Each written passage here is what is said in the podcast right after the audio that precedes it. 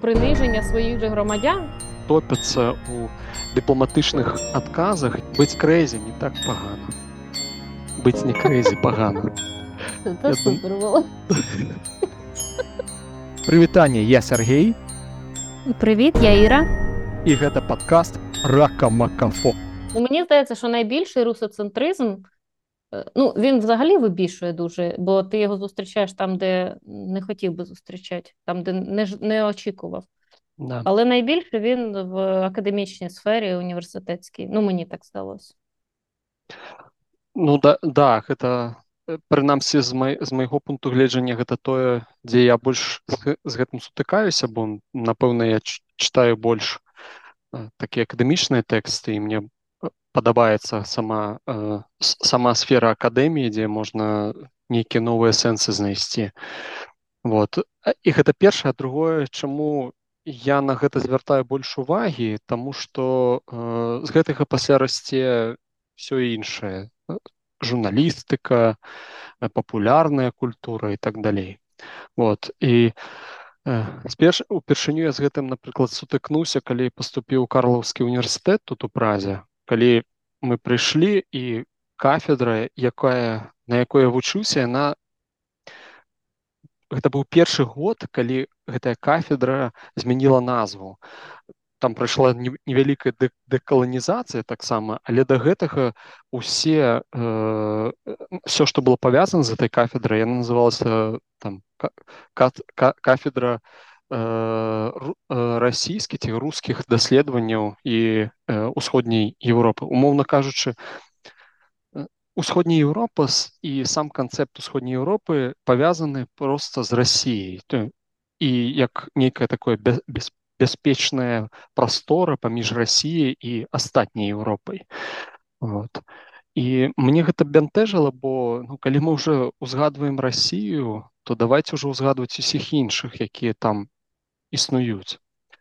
Вот. Бо вы так гэты рэгіён ці гэтыя краіны называеце адной назвай. Окей, гэта Еўропа, вам жа прыемна быць Еўропай. Ну хай вы і ўсходняя Еўропа, але ну ўсё ж такі ніяк не вывуча гэтыя все краіны вывучаліся праз прызму Расіі, праз э, прызму нейкіх бяспечных э, даследаванняў ці эканамічных даследаванняў праз прызму Расіі, не праз наўпроставыя сувязі з Еўропай, якія існавалі існуюць, узяць тую ж, напрыклад, Беларусь і як бы там мы не казалі пра тое, што там Лукашенко э, прывязаў Беларусь да Расіі. Да, прывязаў, але да двадцатага прынамсі года палова экспарту з Беларусі шла ў Еўропу. Палова. І э, ну да, Расія с- складала таксама палову, але гэта ж толькі таму, што умоўна кажучы, еўрапейцы глядзелі на Беларусь як на прыдатак Расіі і не намагаліся выдзергнуць Беларусь нават эканамічна з э, гэтай пасткі пасткай паскі расійскай. Ну да, і плюс мене ще це бентежить, що, типу, кафедра от славістики, да, умовної, ну, умовної ми називаємо, типу, це кафедра, яка займається детальним вивченням цього регіону.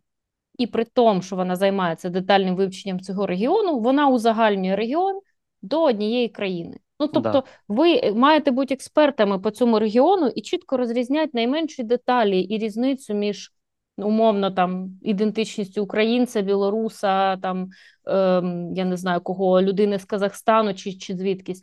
Але ви просто все мішаєте в одну тарілку і кажете: ну, от вам добрий вечір. Будемо дивитися на от так, як це, на це дивиться. Причому сама ж Росія, вона теж неоднорідна. Там же ж, Да. типу, куча всього різних там маленьких оцих народностей і так далі. Ну як його можна все, все просто згребти? Це те саме, що, наприклад, європейців отак взяти всіх, от всю Європу і сказати, оце все Europeans. Ну, типа, все, до побачення, ми всі однакові. Ну ні, так же ж ніхто не робить, бо це ж типу ой-ой-ой, як же ж так можна? І ну вони досі, я не знаю, в Карловому універі, якщо ти кажеш, що перейменували, а от я в мене був шок і ну не то, що шок, а ем, якби це мені дало пояснення, чого так все погано е, і, і туго йде е, в, в Америці, бо теж я пішла в Єльський той самий університет, і там так само кафедра називається Макміллан Центр, там називається програма по Росії, е, Східній Європі і Євразії. І я така думаю: а чим, ну, типа, чого Росія щось окреме? Чого це не не частина Східної Європи, чого це не частина Євразії? Ну, що такого супер унікального в Росії, що ви його прям виділяєте і ставите на перше місце? Те саме там в тому самому Принстоні, чи де що були у мене скрини, ти мені, по-моєму, їх скидав, uh там, де uh теж програма по от нашому регіону, і всі іміджі взяті, всі от картинки взяті з російської культури. Там щось якийсь там Толстаєвський, е, якась там прапор Росії, якась архітектура Петербурга. Ну, типа, взагалі немає ніяких інших е, картинок, е, ну їх не існує просто. І, ну, типу, як зараз, от, наприклад, з'являються дослідження, що Катар вливає багато грошей в американську академію, Те, теж, по-моєму, ти мені це скидав, і я от вчора з колегами тут теж це обговорювала. А так само Росія вливала гроші через академію для того, щоб вони робили правильні дослідження з правильним ухилом і формували правильне ставлення у людей, які вчаться в університетах. Бо правильно ти говориш, вони потім підуть, заснують бізнеси, будуть працювати в державних структурах, і в них оцей закладений концепт тої якоїсь далекої, незрозумілої східної Європи, але закладений їхніми вчителями, він у них збережеться і вони його будуть нести далі. І потім, коли ти приїжджаєш і починаєш щось розказувати, ну ти ти упираєшся в стіну, і вони думають, що ти просто трохи крейзі, і все. Да, да. І окремо хочу сказати про Джона Мершаймера, бо я не можу про нього не сказати. Він мені просто е, попортив кілька вечорів. Е, передісторія. У мене є, я зараз на навчанні знаходжусь по стратегічним комунікаціям, і у нас було одне завдань прочитати частину його книжки. Книжка називається Why Leaders Lie? Чому політики брешуть?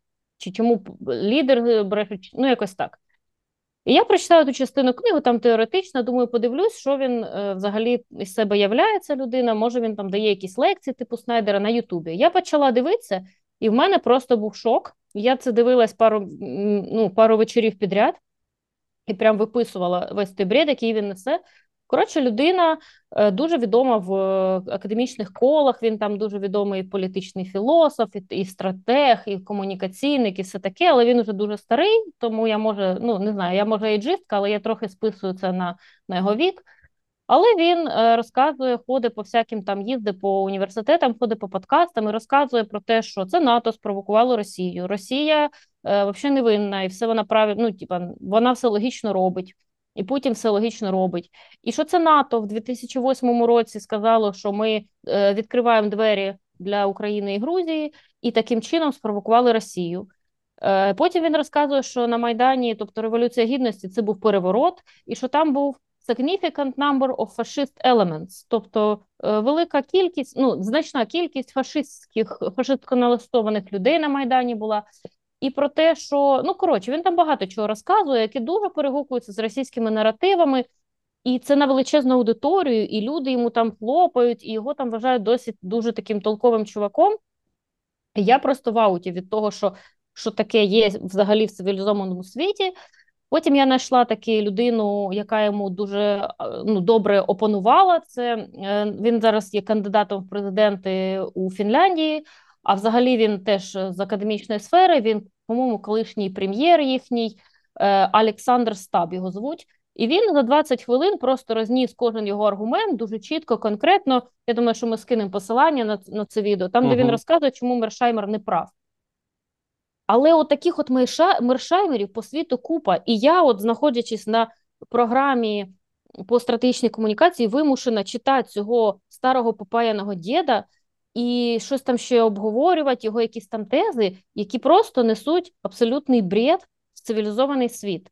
І і, і до нього прислухаються. І і мене прям ну, мене прям горить від цього. Ну Невже навіть повномасштабне вторгнення не помогло людям? І як взагалі можна фіксувати планку на 2008 році, забуваючи все, що зробила Росія до того, не брати в до уваги там чеченські воїни, не брати до уваги, коли Росія намагалась там на острів Тузла залізти, ну не брати до уваги все те, що вона робила до того і після того робитиме ще ще кучу разів, і при цьому вважати себе, типу, великим академіком, професором, чи ким він там, господи, простає. Ну, е, з того, з цих розважанняў, які ты мне скидывала я паспеў праслухаць гэты мэр шаймер разважае у каланіяльных тэрмінах ну краіны не маюць права уступаць у тыя блокі якія яны хочуць бо гэта пагражае іншым краінам э, э, у нейкім нейкай ступені. І пры гэтым ён запярэчвае сам сабе бо нато гэта абарончы блок ён не можа пагражаць рассіі і вот такая аргументацыя у таких спадароў ці спадарынь яна не просто кладзецца на расійскую на расійскім наратывы яна разбурае ўсё што робіць так званы дэмакратычны свет сам з сабой бо э, чувак прыходзіць і расказвае про тое што краіны не маюць права на існаванне не маюць права рабіць свае палітычныя рашэнні самастойныя яны маюць улічваць чыісьці пажаданні дзесьці там за 150 кіламетраў на ўсходці 180 і э, гэта реально праблема бо ён працуе ў акадэміі і ну, мае ўплыў Мачыма там не на мільёны але на тых людзей якія пасля ідуць і працуюць у дзяржаўных установах ці медыа Да, вот. да, от він якраз там і каже, що Україна це сфера впливу Росії. І, типа, нефіг трогать Україну, нефіг там залазити на територію України і щось там їй пропонувати, без того, якби ви отримали попередню згоду там Росії. Ну, от так, такий якийсь його наратив. І ну да, це це просто перекреслює, знаєш, право взагалі країн е, робити свою політику. Таке, наче у нас, знаєш, дві імперії в світі є Штати і Росія, і всі мають от е, зважати на те, що вони там собі рішають між собою. Таке, наче ми досі живемо в, в часи холодної війни. Ну, да, да. умовно. Да. І це дуже важко міняти, бо воно, типу, десь вкорінилось, і от те, що ти говориш, що воно все йде в бізнес, от того у нас бізнеси не виходять з Росії. О, гэта таксама моя балючая тэма. Вот, калі мы зараз паглядзім на краіны на, на Росію і на структуру заходняга бізнеса і э, который там дагэтуль застаўся там же велізарныя транснацыянальныя карпорацыі якія засталіся і не збіраюцца адтуль выходзіць і праз э, сваіх лабістаў лабіююць э, прытармажэнне нейкіх санкцыяў э, ці напрыклад э, лабіююць э, нейкія э, для сябе паслабленні вот калі чаму я гэта ведаю тому что я э, з сябрам мы рабілі аплікацыю по якая сочыць за заходнімі бізнесамі якія засталіся у Росіі і плацяць падаткі там. Не тое что просто кормяць і поюць расіян застаюцца і плацяць падаткі пры гэтым застаюцца на за у заходніх рынках. І што мы можемм зрабіць якія мы высноўкі можемм для сябе зрабіць? Бо заходні бізнес ён ну не глядзіць на Расію як на нейкі маленькі рынок. Ён глядзіць на як на нейкі такі рынок, які прыносіць прыбытак. І ён будзе біцца за гэты рынок. Бо там рынок э, Украіны для яго меншы. Па-першае, па-другое, Расія знішчыла эканом... ці нішчыць эканоміку Украіны. Вот, вайной, которую вядзе ўжо там з 2014 года. І заходняму бізнесу ён не, не зацікаўлены на тое чтобы Россия подрабілася бо ему бо заходняму бізнесу як і любому бізнесу что трэба трэба нейкая нейкі адзіны цэнтр з якім ён можа дамовіцца правіла гульні і працаваць.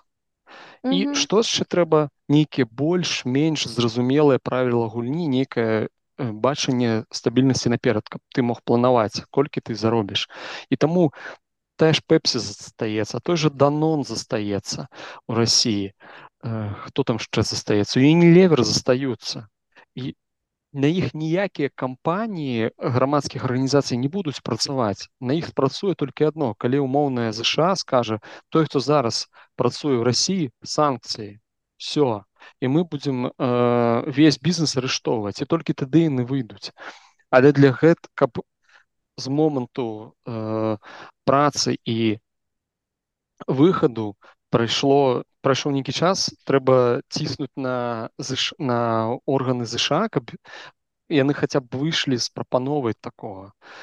Бо гэта ж не не про тое что мы абараняем бізнес да праз гэты бізнес праз все схемы якія працуюць заходні бізнес у Росіі расіяне таксама вучацца як можна абыходзіць гэтыя санкцыі бо яны бач бачаць што працуе заходні бізнес значит заходнія краіны не будуць заціскаць Росію до да тых умоў да, э, да якіх краіна не за, не закрыецца як паўночная Карея вот і яны свабодна сябе як рыба ў вадзе адчуваюць у гэтым санкцыйным рэжыме ну я маю на увазе расійская дзяржава яны нават э, ну зарабляюць на гэтым. І mm -hmm.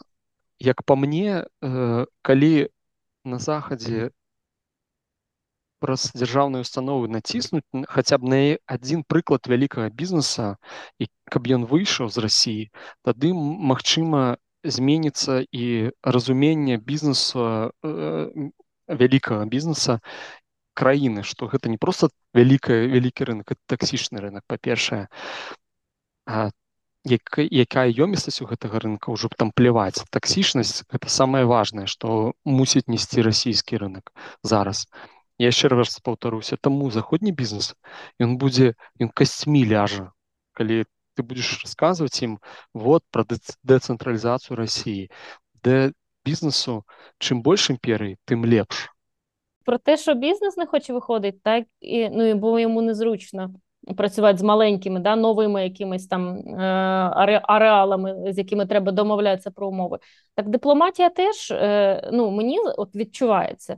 Е, враховуючи, що у мене зараз з'явилось трохи більше комунікації з з іноземцями, які тип, типу приймають рішення, то їм теж не хочеться, щоб Росія розвалювалася або щось мінявся, якийсь світопорядок, того що це теж будуть нові дипломатичні зусилля. Ну, уяви, типу, розвалюється Росія там на якісь кусочки, і їм треба з кожним з цим з цих кусочків. Е, домовлятися заново, робити своє посольство, відправляти дипломатів, якісь там умови, переговори. Ну, типу, нікому не хочеться цього робити. Вони, типу, такі, ну. Якось воно їде, ця тілега, ну давайте далі на ній їхати. Вже знаєш, як ото лошадь здохла, злізь. Ну, от ніхто не хоче з цієї мертвої коняки злізати і поховати да. її вже. Просто всі тянуть і тянуть і тянуть. І тому бізнес не виходить, тому Олімпійський комітет кладе хер на заборону білоруським і російським спортсменам, які ручкаються з Путіним і з Лукашенка, і тому е, НАТО е, те саме там щось там вяленько так розказує. Я от задавала питання чуваку з НАТО, пряме питання, типу, яке ви бачите, ну на яких принципах ви бачите існування Росії в майбутньому, коли вона не буде загрозою? Він каже: Ну, типу, Росія ще довго буде загрозою, траляля. А потім каже: Я говорю, ну так хорошо. А от е, що ви бачите тоді перемогу? Там щось ну я, я як ви бачите розрішення ситуації? От зараз те, що та, та яка є. А він каже: Ну, ми там сподіваємося на total defeat of Russia. А я кажу: так а що в вашому розумінні total defeat? О, поясніть мені, що буде total defeat? Це буде що? Що Росія не може продукувати ракети, чи це буде Росія відійшла до кордонів 91-го року, чи це буде колапс Росії політичний, чи це буде розпад Росії на шматки, чи це буде, я не знаю, коли вийде Путін і помаше білим флажочком. Що в вашому розумінні total defeat? І він мені так і не відповів. Ну, типу, ми сиділи, він там щось якось ну, дипломатично щось там мені відповідав, але ну або він не хоче цього озвучувати, або йому незручно це озвучувати, або взагалі вони не розглядають цей total defeat, як щось конкретне, а теж знаєш, то у Росії плани так званої спеціальної воєнної операції дуже такі мінливі. Мені здається, що у світа плани на рахунок Росії також дуже такі мінливі, і тому вони ще залишають оцей фокус на Росії як великій силі нашого регіону і тримаються цієї старої адженди, на жаль, яку треба вже давно було. Я нават думаю что не не змяніўся на жаль з калі пасачыць што заходнія краіны рабілі у пасля першай сусветнай войны э, у 90 на пачатку 90-х што рабілі заходнія краіны і што яны робяць зараз на жаль іхнія падыходы не змяніліся у пасля першай сусветнай войны на што паставілі заходнія краіны не паставілі на Э, крайне правых э, крайне правыя монархічныя сілы яны э, падтрымалі белы рух. Белы рух быў на што накіраван на знішчэнне там мы не будем казаць на э, пра бальшавікоў што іхняя мэта была знішчэнне бальшакоў не іх было ўзнаўленне расійскай імперыі і знішчэнне ўсіх тых рухаў нацыянальных якія там дзесьці папрарасталі украінскага беларускага грузінскага армянскага азербайджанскага вот. І яны гэта дэкларавалі у, у сваіх всіх праграмных там э, дэкларацыях калі паглядзець прапаганду якую прадукавала э, прадукаваў белы рух вот. Але белы рух прайграў у, у, у падчас грамадзянскай вайны у ССР і прычым гэтая грамадзянская вайна у асноўным праходзіла дзесьці по тэрыторыі Украіны в асноўным вот там быў пераломны момант а, 91 годзе буш прыязджаў у Кіев і казаў типа зах, захаваем keep calm. Да з, Ukrainians keep calm uh, and uh, let the USSR be. Вот і ён заклікаў украінцаў не выходзіць з Савецкага Саюза бо яны баяліся што што будзе нешта страшэннае але нічога не сталася страшэнна адварот свет стаў больш бяспечны Угу. на 10 на 25 год.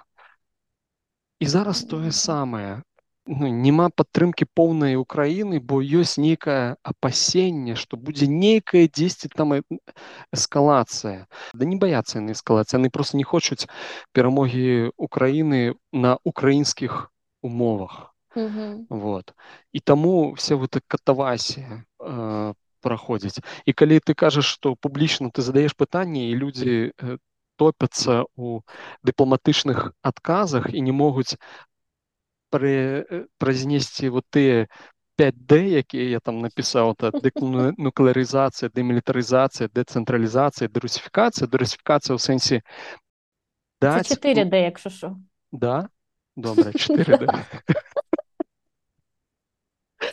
вот э, даць нацыянальным меншасцям ці нацыянальным э, супольнасцям рассіі развівацца Бо зараз же праблема не ў тым што яны не існуюць а ў тым што каб размаўляць па-татарску табе прайсці тебе няма магчымасці ў дарослым узросце прафесійна працаваць па-татарску Мгм. тое самае на коме вот і, і шмат э, пра што ідзе гаворка не тое што там сцерці умоўна рус, рускі язык э, з, з мапы рассіі не даць роўныя магчымасці для ўсіх і вось гэты 4D ніхто публічна не кажа да уже не 5D 4D Дякую Іра вот.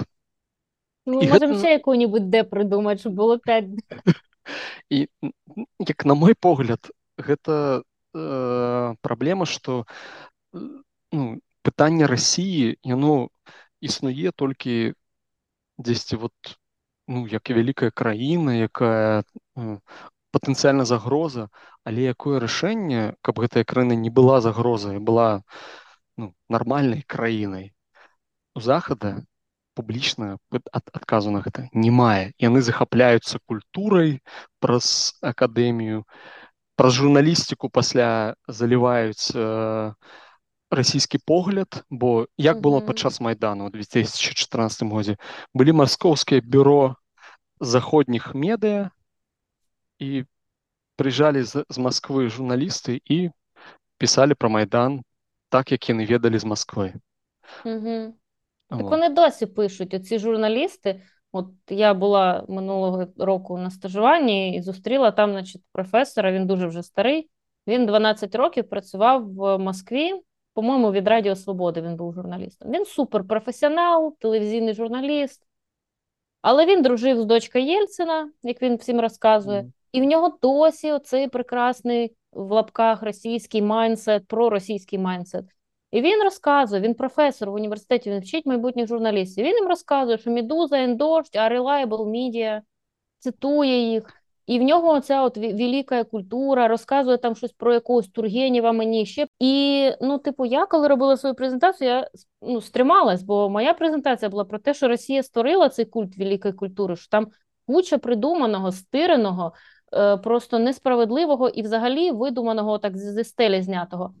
І я стримала, що він почне, ну, типа, з висоти його, знаєш, позиції, буде мені казати, що ти тут, дівчинка, приїхала мені розказувати, все не так. Але він щось мовчав, кивав і нічого мені не сказав.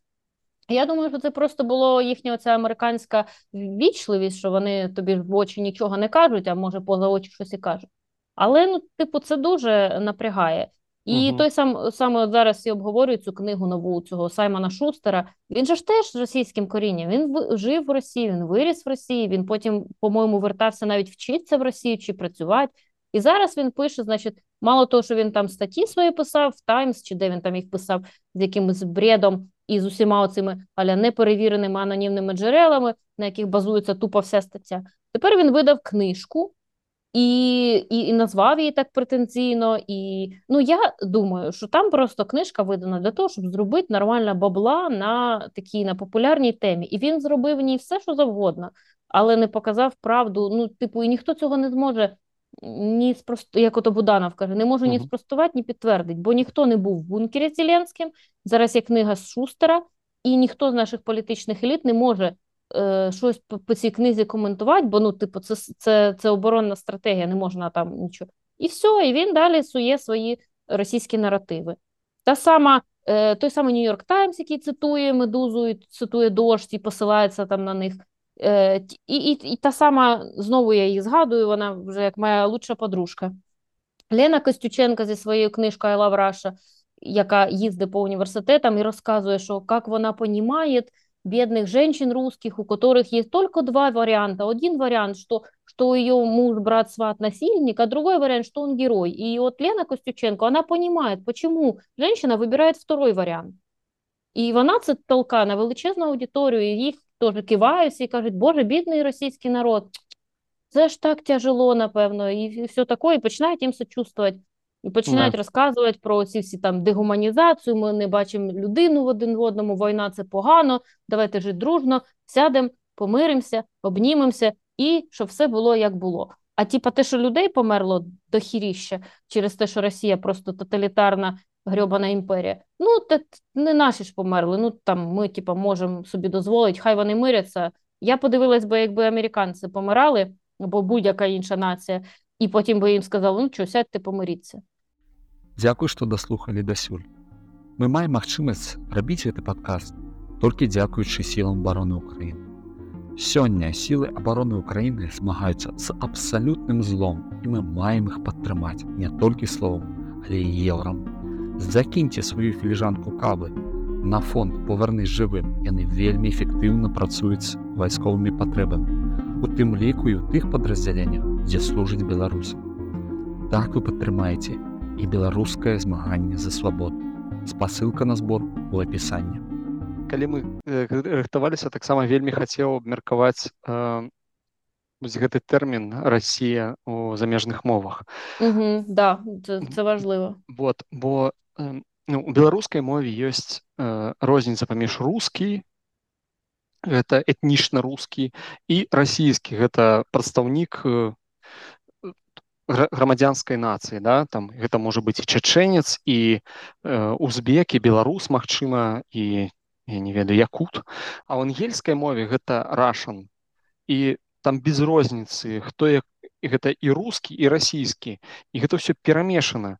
І калі нейкі татарын будзе расказваць нешта пра Расію то яго назовуць рашан типа рускі. Вот адзіная нацыя у расійскай э, расійскай дзяржаве якая дамаглася быць не рашан гэта чачэнцы і таму што і там вельмі цікава што гэта чечня яна неяк быццам бы як асобная дзяржава існуе. І гэтая праблема ў тым што э, рашан ўс... на ўсіх мовах пры- прыкладна адно і тое ж абазначае вот э, ангельскай французскай наколькі я веду у чэшскай тое самае ніхто не праводзіць розніцу паміж вось гэтай э, стракатай зямлёй там імперыі да стракатай бо там вельмі шмат нацый і трэба іх падкрэсліваць што яны там ёсць. На ангельскай мове моўна кажучы все пад, падводзіцца пад адзін э, заменнік вот. Знаменник, да. І от, до речі, пам'ятаєш, є ж ця пісня дебільна «Я русський», цього ша, ша, ша, шайтан, чи як його там, шаман. Коротше, не, не, не важно, хто він. У нього ж пісня «Я русський», не «Я росіянин». А Да. потім вони розказують, хто там ще нацист, націоналіст і, і те саме. І ну, я була в Москві ще до, до 14-го року, бо в мене, на жаль, є родичі в в Росії. Ми їздили через Москву, і я бачила цих людей, які не руської національності, які працюють на вокзалах, яких називають там чурки, нерусские, все таке. Ну, типу, це країна взагалі, типу, в них приниження своїх же громадян це Да. high level. А потім вони там ще світу щось розказують.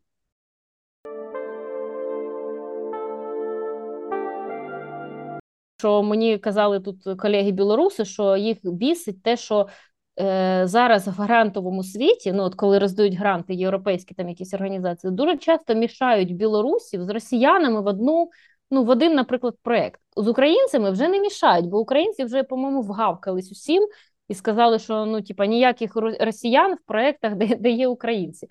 А тепер вони вирішили: ну раз українці такі припарені. Давайте, ну, типа, білоруси, росіяни, опозиція виїхали. Ну, типа, що такого? Ну, це, це моя інтерпретація, чого так роблять.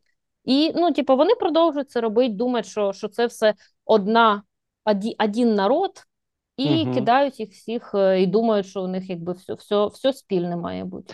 Хоча, Ну, ну, мені здається, що російська опозиція для білоруських, ем, білоруської, білоруського громадянського суспільства така сама небезпечна, як і нинішній режим Путіна. Гэта праўда. Я вот якраз хацеў перайсці да вельмі важнай такой тэмы. Гэта не проста перамешванне, а э, вось калі ты бярэш акварэльныя фарбы, размешваеш і пасля э, э, адбываецца проста карычневая адна Жижа. жижа.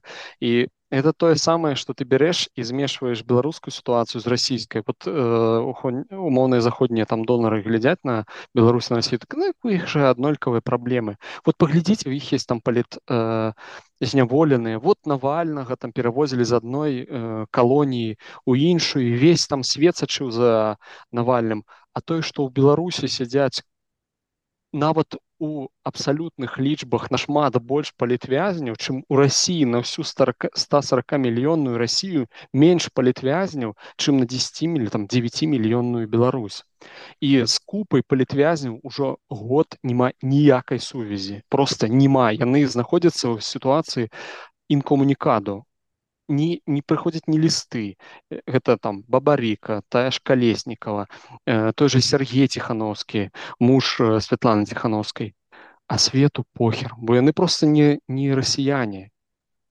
І Мгм. ніхто іх не шукае па калоніях, дзе іх там перавозяць. І Вот. футболки не друкують, где Да. Навальний. Н- Да. У вас пропав лідер, ви замість того, щоб знищити цей режим, ви друкуєте мерч. Ну, Да. типа, ви просто е, мізерні, от, е, як там ми казали, Les Misérables, чи Да, менавіта так. цей випуск Les Misérables. Ну, ну, типу, альо. Ну, оце ваш, ваша ну, діяльність. Ця е, дівчина, я не знаю, як її звуть, що е, збирається збирати кейси ем, цих е, злочинів воєнних, які роблять росіяни, і хоче їх, значить, подавати в російські суди і домагатися там якогось там вироку. Ну, типу, серйозно? Ти, ти реально на повному серйозі думаєш, що система дозволить судам винести в, в системі рішення, Мгм, яке мгм. скаже, да, наші воєнні не герої, да, вони гвалтували, вбивали, відрізали органи, да, вони воєнні злочинці. Серйозно, ну, типа, на це настрой? Ні, я думаю, що вона просто хоче от бути ще однією, типа, жертвою режиму, що я же питалась, я же боролась. Да. А замість того, ну я думаю, що легше було б їй, якщо вона таки хоче дійсно якогось результату, збирати цю документацію і разом з українська сторона подає ці всі кейси. Якщо кожна сторона, яка хоче розвала і поразки Росії, буде робити те саме, не тільки крейзі українці, а це будуть робити всі опозиційні до Росії е, суспільства, то все-таки ну більше шансів, що ми їх дожмемо і вони винесуть якийсь вирок. Що це не тільки там Украї- Ukrainians, які там просто всі вже поїхали і шиза у них. Якщо це зробить кожен, хто вважає, що, що Росія, типу, гівно, от і, буде якийсь ну, цей кумулятивний ефект, а не просто, типу, там я піду в Росію і, і посужусь, там мене посадять, потім хтось надрукує футболку, де Маріна, де, де там Ваня, де Петя, і, і я буду така жертва режима, я не знаю, там подамся на компенсацію в якийсь там, я не знаю, фонд міжнародний. Ну, типу, що це за прикол? І от да, про те, що ти сказав, що політ, за, політов'язних більше, я задавала питання. Я була на якомусь вебінарі, там була жіночка, яка розказувала, що вона з цієї спілки захисту журналістів, там щось траляля, і вона розказувала, у них є такий чат, чат, ну, е, чарт, табличка на сайті, І я дивлюсь, що вона каже, що ми з росіянами працюємо, ж та-та-та, і про це ж заключення. Я кажу: слухайте, ну у вас, типа, на у вас навіть на сайті в дата в, в даних показано, що на всю Росію майже стільки ж ув'язаних журналістів, як на Білорусь, але Росія огромна, а Білорусь маленька. Чи працюєте ви з іншими так само вперто, наполегливо і активно, наприклад, з тими ж там журналістами в Казахстані, Киргизстані, Білорусі там і ще десь, як з е, росіянами? На що вона мені теж так ухильно відповіла, що ну от ми не можемо типа, помочь всім, коротше, ми типа працюємо, але ми не можемо допомогти всім. Ну і типу, і все одно фокус залишається на Росії, бо от російські журналісти страдають, мабуть, найбільше з нас усіх. Да, і при гэтым яны спакойна працуюць, робяць стендапікі mm -hmm. з Росії. Mm -hmm. Вот, mm -hmm. і... Да, і коли мені кажуть, що нова газета, там журналісти дуже ризикують, але вони там знаходяться всередині Росії і щось пишуть, в мене виникає е, враження, що це просто контрольований вид опозиції, що система знає про них, і просто їм дозволяє бути, щоб створювати оцей імідж, враження хибне, що, начебто, ми не такі вже й тоталітарні. Вони просто, типа, якби їх захотіли прихлопнути, їх би вже давно всіх захлопнули, посадили. Це не дуже важко зробити, якщо в тебе така централізована влада.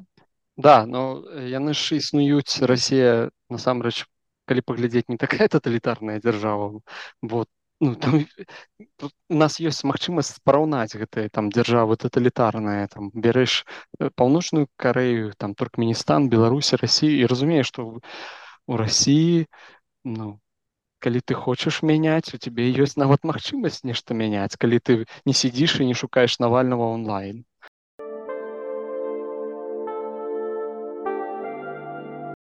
калі сказала про небяспечных э, расійскую пазіцыю да яны насамрэч небяспечныя для беларусаў і для украінцаў тому что гэтыя людзі таксама гуляюць на імперскіх амбіцыях свае свайго там выбаршчыка ці сваіх грамадзян і ніхто з іх не скажа э, наўпрост у публічнай сферы мы хочам э, дэцэнтралізацыі рассіі бо яны баяцца гэтага сказаць і некаторыя мы скажем так некаторыя баяцца умоўна крымінальных спраў але абсалютная большасць баіцца таго што яны будуць згубленыя для расійскай так званай палітыкі бо палітыка гэта барацьба за ўладу а не там э, сядзенне за мяжой і нейкія спробы змяніць краіну з-за мяжы вот і я заўсёды узгадваю навальнага які пагардліва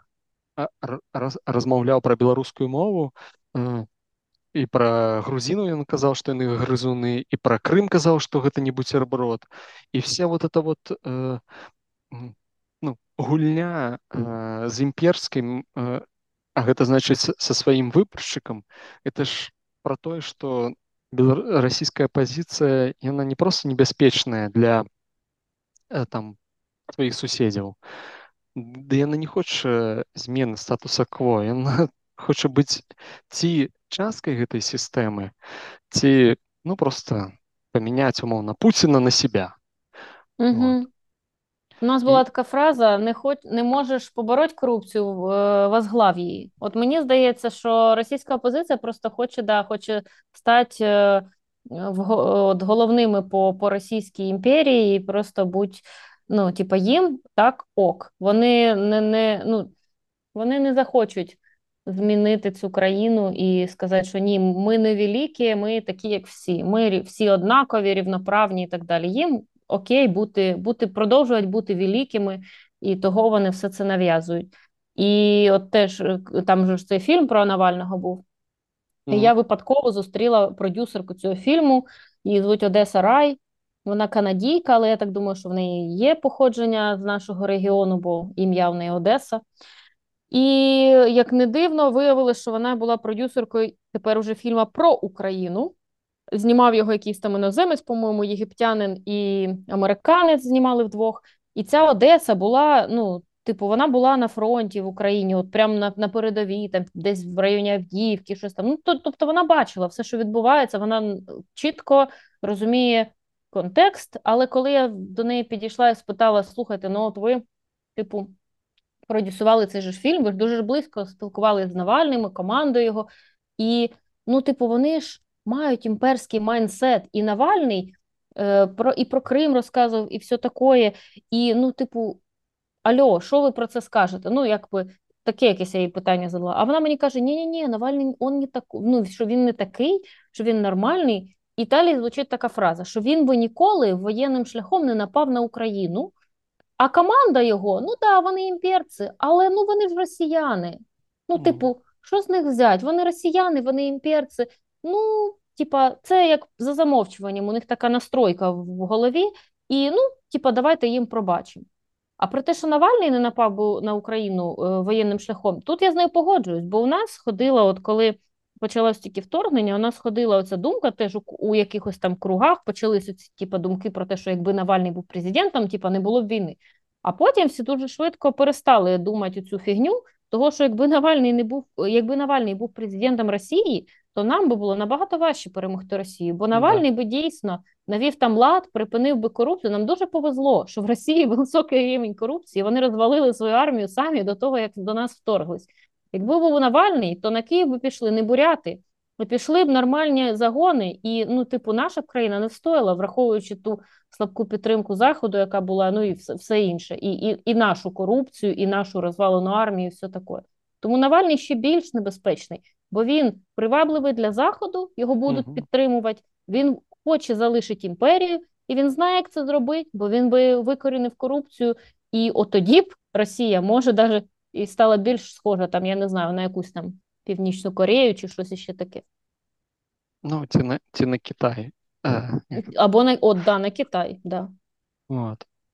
І тому мне вельмі э, смешна сачыць за, за заходнімі медыа, якія зараз сочаць за так званай прэзідэнцкай кампаніяй у Росіі і там уже абзываюць Надеждзіна як тога, які кінуў выклік Пуціну. Вот. А Російська У нас опозиція... вже був один, який кинув виклик Путіну, де він помер десь там. Що він йшов на йшов на Москву, потім mm. літаку розбив. Був вже один. Де Женя mm. Пригожин? Да.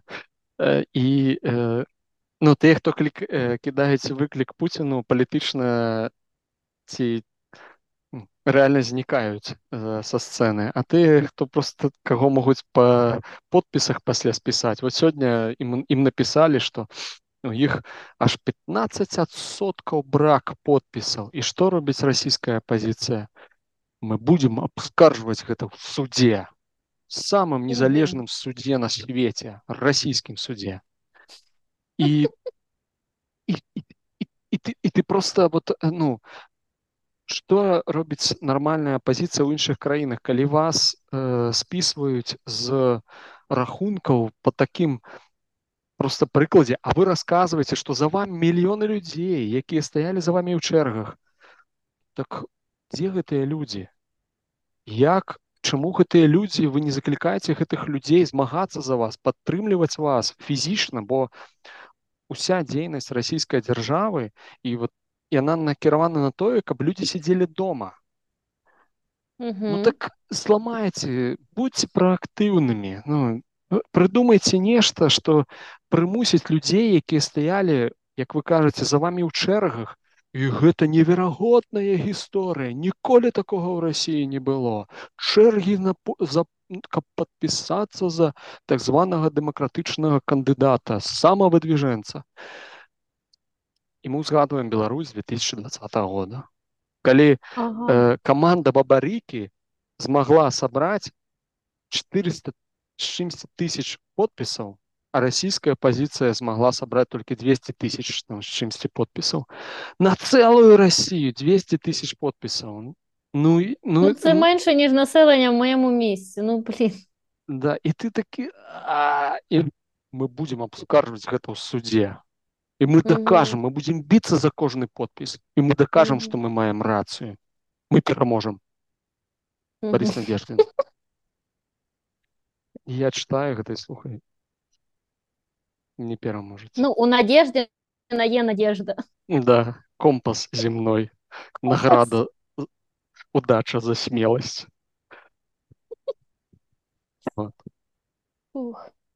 короче це просто подкаст горіння Давай чимось за, за фіналом, я не знаю. Як, як це підсумувати можна? Це все, що все, що відбувається з цією Росією і, і, і з її сприйняттям на Заході. Та не тільки, мабуть, на Заході, бо дівчина з Монголії мені теж писала в анкеті анонімній. Ну, я просто знаю, що вона з Монголії, бо там була графа, про те, що дуже шкода, що Путін не прийняв мирний.